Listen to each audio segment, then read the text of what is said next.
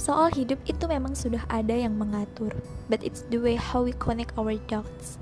Gimana caranya kita menghubungkan titik-titik di mana yang kita tuju. So, di sini podcast aku akan membawakan kisah-kisah inspirasi to help you to connect your dots.